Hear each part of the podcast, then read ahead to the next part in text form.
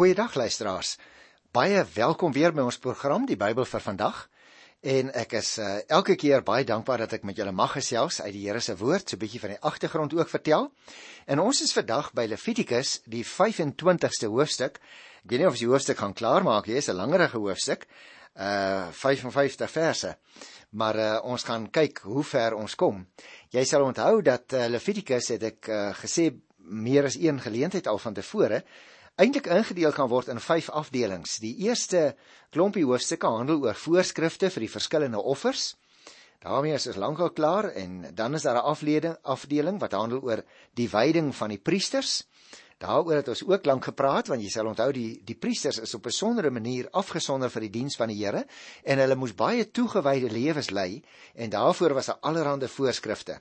Die derde groot afdeling het gehandel oor wette oor rein en onrein. Nou ja, dit het gehandel oor die oor die vleis en dit het ook gehandel oor die mense wat die offers gebring het.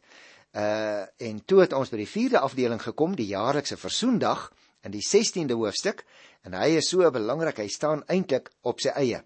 En toe het ons met die langste afdeling begin, naamlik die 5de of 5de afdeling wat handel oor die sogenaamde heiligingswet. En ons is nou nog steeds daarmee besig. Ons is vandag uh by die uh 25ste hoofstuk en dan bly daar nou nog net een hoofstuk oor dan is ons klaar met hierdie groot 5de afdeling. Nou jy sal sien in die Afrikaanse Bybel staan bo aan Levitikus 25 geskrywe uh Sabbatsjaar en hersteljaar. Nou ek gaan net nou nog so 'n bietjie daaroor gesels. Ek wil net eers so 'n paar algemene opmerkings maak. Want uh hoofstuk 25 sluit wat sy inhoud betref op 'n baie uh, spesifieke manier aan by die 23ste hoofstuk. Dis interessant, né? Die voorskrifte vir die feestydde word nou in hierdie twee hoofstukke in 'n baie bepaalde volgorde gegee. Die voorskrifte vir die fees wat die gereeldste gevier is, word eers gegee, naamlik die vir die Sabbat. Uh dit het 'n mens daar gekry in die 23ste hoofstuk by vers 3 en daarna volg die voorskrifte vir die feeste wat jaarliks gevier is. Dit het ook uh voorgekom in die 23ste hoofstuk wat ons bespreek het een vir een van daardie feeste. En dan vir die vir die Sabbatsjaar wat 7 jaarliks gevier is. Uh wat ons nou vandag hier gaan bespreek en laastens ook die vir die hersteljaar wat dan na 49 jaar gevier is wat ons ook vandag so 'n bietjie met mekaar gaan bespreek. Die voorskrifte tussen hakies vir die viering van die Sabbatsjaar en die hersteljaar maak eintlik maar 'n klein gedeelte uit van die 25ste hoofstuk. Daarna word die voorskrifte oor die hersteljaar egter uitgebrei met twee eenhede wat die implikasies aandui van die hersteljaar vir grondbesit. Daaroor gaan ons gesels en dan ook uh mense wat in die skuld raak van die 35ste vers af. Wat die 25ste hoofstuk se eerste 7 verse betref, wil ek ook nou net enkele opmerkings maak voordat ek dit in groter detail gaan behandel. Want jy sien na die feeste van Levitikus 23 was daar ook nog die Sabbatsjaar. Dit is al om die 7 jaar gevier en het vir 'n jaar geduur. In hierdie jaar moes die hele land rus en die grond moes onbewerk so gelaat word sodat die grond ook uh kon rus. Soos die dag van die Sabbat aan God toegewy is, is ook hierdie jaar in sy geheel aan die Here gewy. Hierdeur het die oud Israeliete bely en ook bevestig dat God die eintlike eienaar van die grond is en gevolglik daaroor besluit soos hy wil. Mense moet dan ook daarbey ingeval het.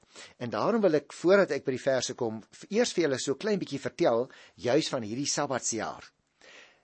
Die Here het in die Mosaïese wet, jy weet nou al die Mosaïese wet is nou die gedeeltes wat hoofsaaklik toegeskryf word as komende uit die pen van Moses. So die Here het in die Mosaïese wet voorgeskryf dat die Israeliete hulle land 6 jaar agtereen moes bewerk, maar in die 7de jaar moes hulle dit braak laat lê en dit net so laat rus. En dan moes daar vir die land 'n volkomme Sabbat wees. 'n Sabbat vir die Here, soos dit soms ook genoem word. Nou wat natuurlik nou van self opkom, moes vir hulle en hulle slawe, vir hulle dagloners, hulle bywoners en ook vir die armes en die vee en vir die diere in hulle land as 'n sabbatsopbrengs geld. Dit moes vir hulle kos wees.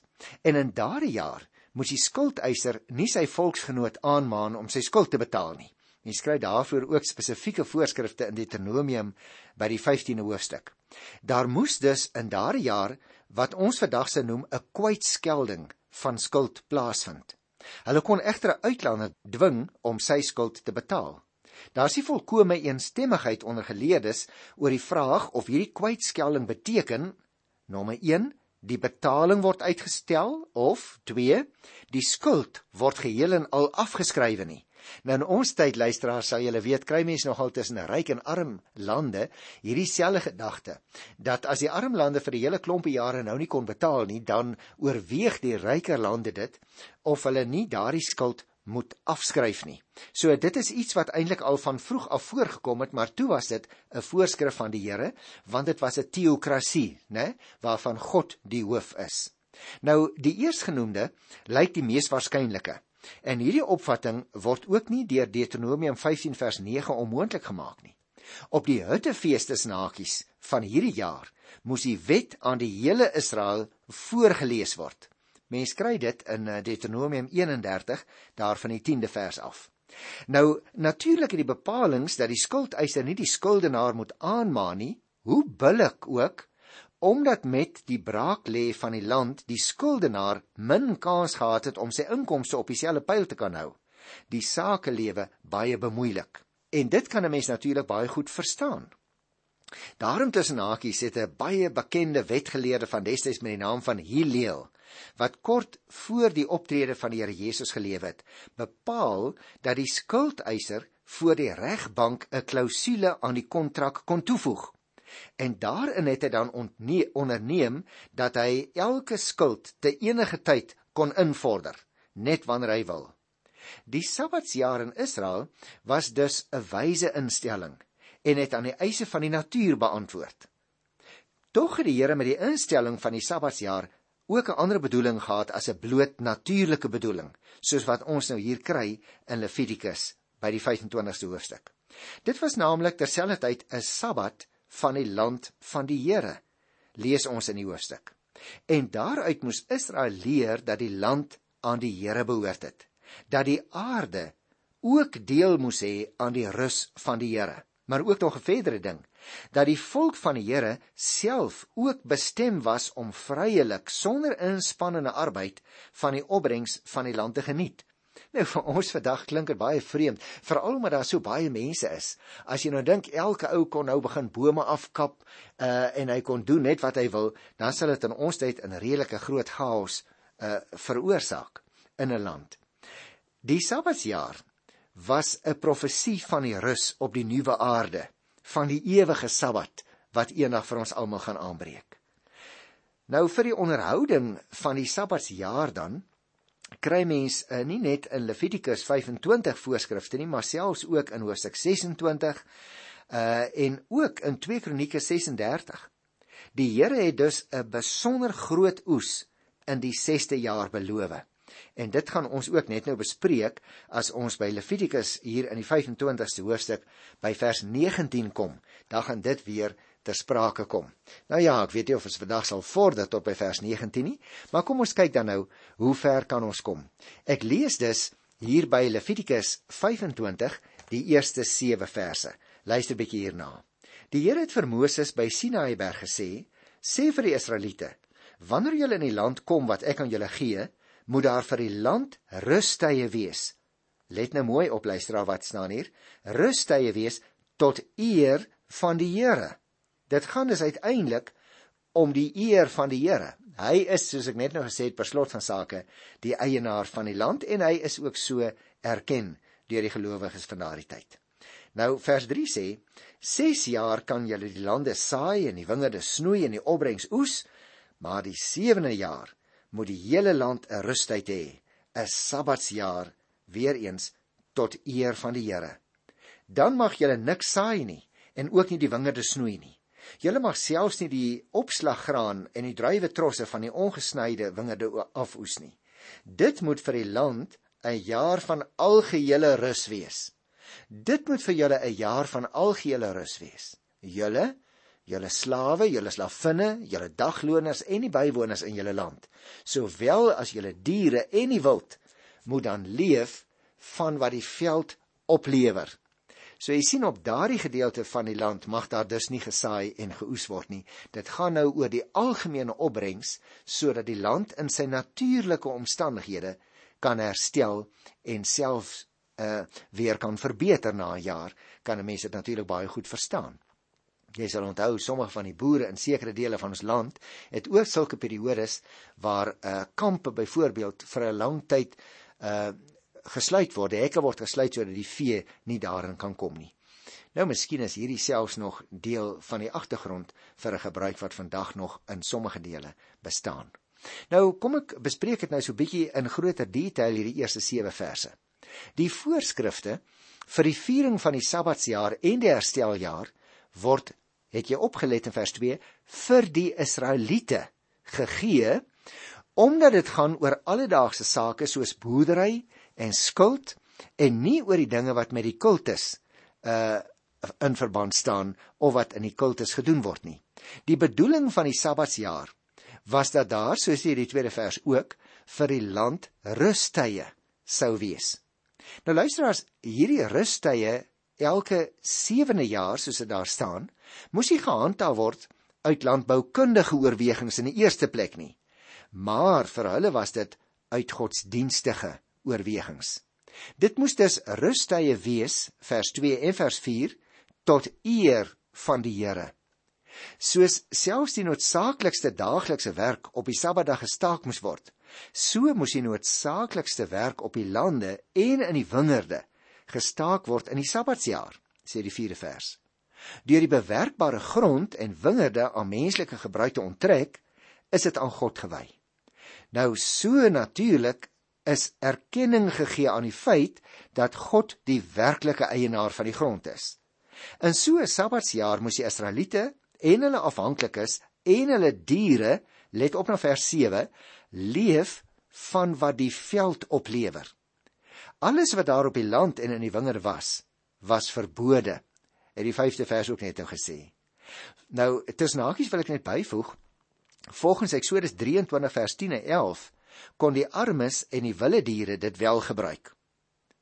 Nou later in hierdie hoofstuk in vers 19 tot 22 kom die hele kwessie van genoeg kos vir die sewende jaar en daarna weer ter sprake. So ek gaan nou nie daaroor uh verder iets sê nie.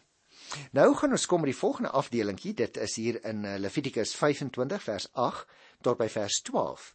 Maar ek wil ook weer net enkele inleidende opmerkings maak voordat ons in groter detail die verse gaan bespreek. Jy sien die hersteljaar het in die 49ste kalenderjaar, maar 50ste landbouseisoen geval. Met ander woorde, na verloop van 7 sabbatsjare moes alle eiendoms en geldtransaksies opgehef en alles weer herstel word soos wat dit was aan die begin van die 50 jaar. Want weer eens, God is die werklike eienaar van alles. En soos hy dit onder sy volk verdeel het en dit in hulle sorg gelaat het, so moes dit eers weer herstel word. Met ander woorde, die Here begin as dit ware ook weer elke keer op 'n nuwe manier met hulle ook wat die natuur en die opbrengs van die land betref.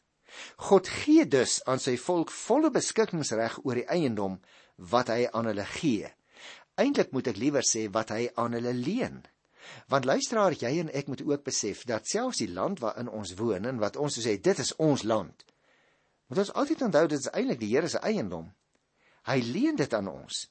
En daarom was dit baie belangrik dat in die tyd van die Ou Testament waarin dit gegaan het oor 'n teokrasie, die mense voortdurend moes onthou God is die werklike eienaar ook van die grond waarop hulle woon en wat hulle bewerk elke dag. En daarmee kan hulle onderhandel.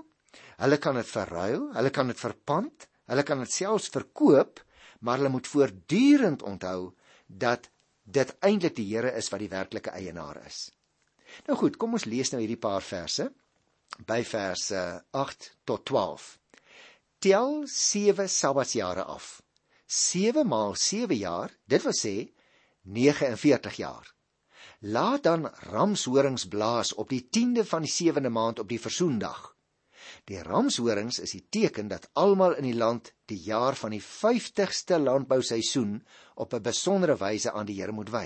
Jy sien, daar het ons dit nou uh, wat ek net nou eers in breër verband verduidelik het. Partykeer lyk dit vir my, jy help dit sê die luisteraars as ek eers net so 'n bietjie die breë lyne trek en dan na die teks toe terugkom as daar baie gegevens in staan. Nou lees ek verder. Daar moet 'n landwyse afskrywing van skuld geproklaameer word. Dit moet vir almal 'n hersteljaar wees. Elke Israeliet moet sy grond terugkry en mag na sy familie toe teruggaan. Hierdie 50ste landbouseisoen moet julle hersteljaar wees. Julle mag nie saai nie en ook nie die opslaggraan en die ongesnoeide wingerde afoes nie, maar julle moet eet van wat die veld opgelewer het. Die hersteljaar is 'n gewyde jaar. Nou ja, goed. Kom ons gesels nou so 'n bietjie oor die oor die detail van hierdie verse nadat ek die breër verband geskets het en nou die teks gelees het. Uh praat ons oor oor die detail van hierdie verse 8 tot, tot by uh, vers 12. Die hersteljaar waaroor dit dan nou hier handel van vers 8 af is aangekondig deur op 'n ramshoring te blaas. So sê die 9de vers.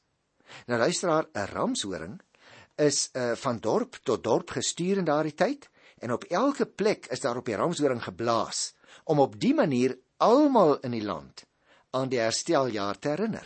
Jy kan jouself voorstel hè, kom ons neem ons eie land uh, en op die platte land as daar nou iets in die stede afgekondig sou word en ons het nou nie die goeie kommunikasiemiddels van die radio soos vandag uh u nou na die radio kan luister na hierdie skrifuitleg nie of ons het nie televisie of uh dagblaaie wat op die platteland uh maklik bekombaar is nie dan sou daar mense kon wees wat nie 'n belangrike aankondiging verneem nie. En daarom moes die ramshoring gaan blaas word op elke klein plekkie selfs op die platteland dat die hersteljaar vir die landbou ook nou aanbreek Die voorskrifte vir die hersteljaar lewer vir ons 'n bietjie probleme op. Byvoorbeeld, in die eerste plek is daar verskille tussen die voorskrifte in Levitikus en die wat 'n mens ook weer kry in Eksodus en Deuteronomium wat betref die tyd wanneer die Israelitiese slawe vrygelaat moes word. En ook oor die tyd wanneer die kwytskelding van skuld moes plaasvind. Jy kan byvoorbeeld nou maar net vers 10 hierso uh wat sê dat ek dit net gou vir jou lees weer. Die jaar van die 50ste landbouseisoen is 'n besondere wyse moet op 'n besondere wyse aan die Here gewy word. Nou luister nou, daar moet 'n landswye afskrywing van die skuld geproklaameer word. Dit moet vir almal 'n hersteljaar wees. Elke Israeliet moet sy grond terugkry en mag na sy familie toe teruggaan.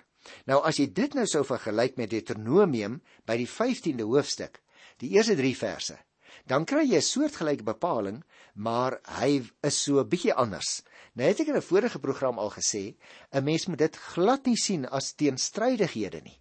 Die verklaring daarvoor lê waarskynlik in die feit dat hierdie mense nie altyd op dieselfde plek gewoon het nie.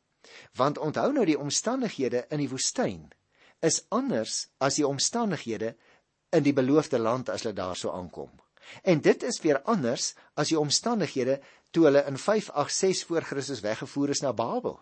En toe hulle na 539 voor Christus nadat die edik deur Kores uitgevaardig is dat die mense kon teruggaan na, na hulle lande van herkoms, die Jode toe teruggegaan het na Palestina, was die omstandighede weer eens anders.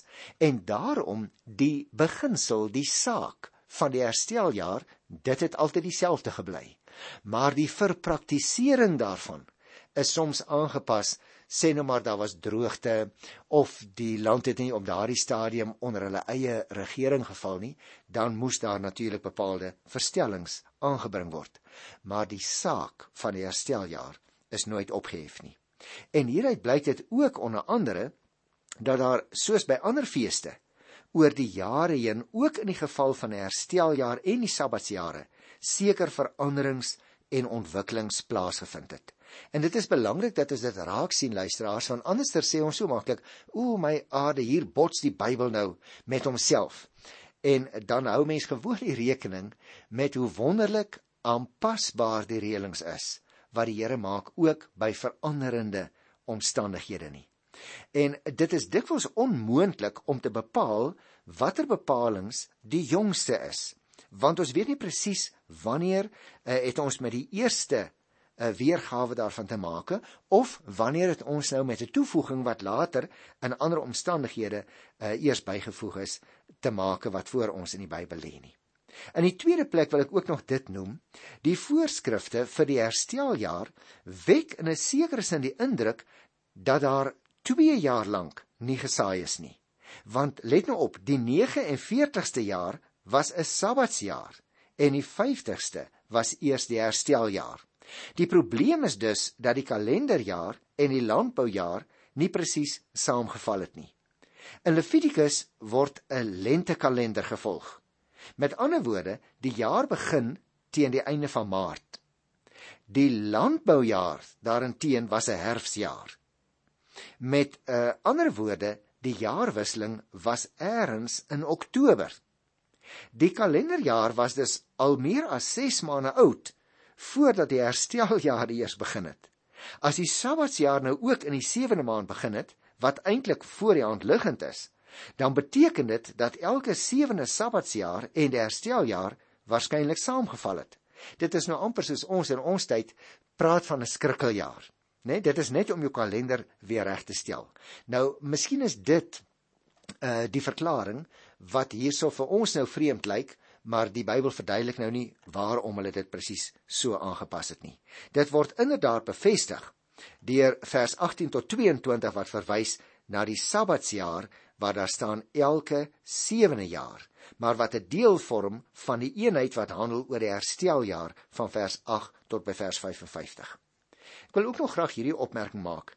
Die graan wat teen November in die 6ste jaar gesaai is, is teen Mei, dit wil sê aan die begin van die 7de jaar geoes. En dit was natuurlik nie verbode nie. Die voorskrifte verbied alleen die oes van opslaggraan. Het jy dit opgelet? Daar vers 4 en 5 en ook in vers 11 wat uit die 7de jaar se groeiseisoen sou kom.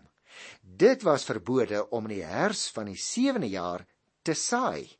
Dit kan 'n mens verstaan. Dit kom ook uit daardie selfe vers 4 en vers 5 en vers 11. Met ander woorde, die lande moes braak lê tot ongeveer November in die 8ste jaar.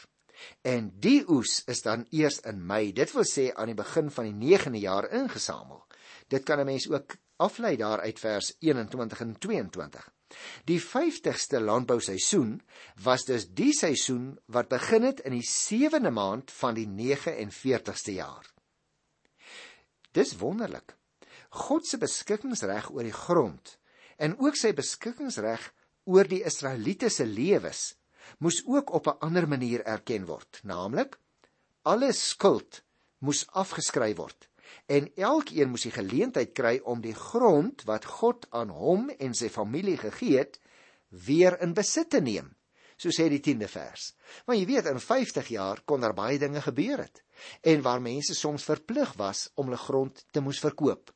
Nou moet hulle weet hier in hierdie tyd moet hulle dit na 50 jaar weer terugkry. En op hierdie laaste aspek gaan ons verdere voorskrifte kry in ons volgende program want dan gaan ek begin by vers 13 en daarom wil ek nou op hierdie logiese punt ophou vir vandag aan die einde van uh, Levitikus 25 by vers 12. En luisteraars, ek wil tog vir julle uitnooi om altyd 'n potlood en 'n stukkie papier byderhand te hou, maar ek wil eintlik ook vir julle vra vir nog 'n belangriker ding, dat julle voortdurend sal bid vir ons program nie net dat die Here die uitsending daarvan sal seën nie, maar ook die administratiewe personeel wat uh, hier in die ateljee sit om die program te produseer. En ook vir my dat julle ook vir my sal bid dat die Here vir my sal help deur sy gees dat ek niks sal sê niks sal praat niks sal leer uit sy woord wat nie werklik daar staan nie. Want onthou in ons program die Bybel is vir ons onvoorwaardelik die geïnspireerde woord van God. Geniet dit om dit te lees en dan so die Here wil, luister ons weer na mekaar in ons volgende program. Tot dan groet ek jou in die wonderlike naam van Jesus Christus, ons Here. Totsiens.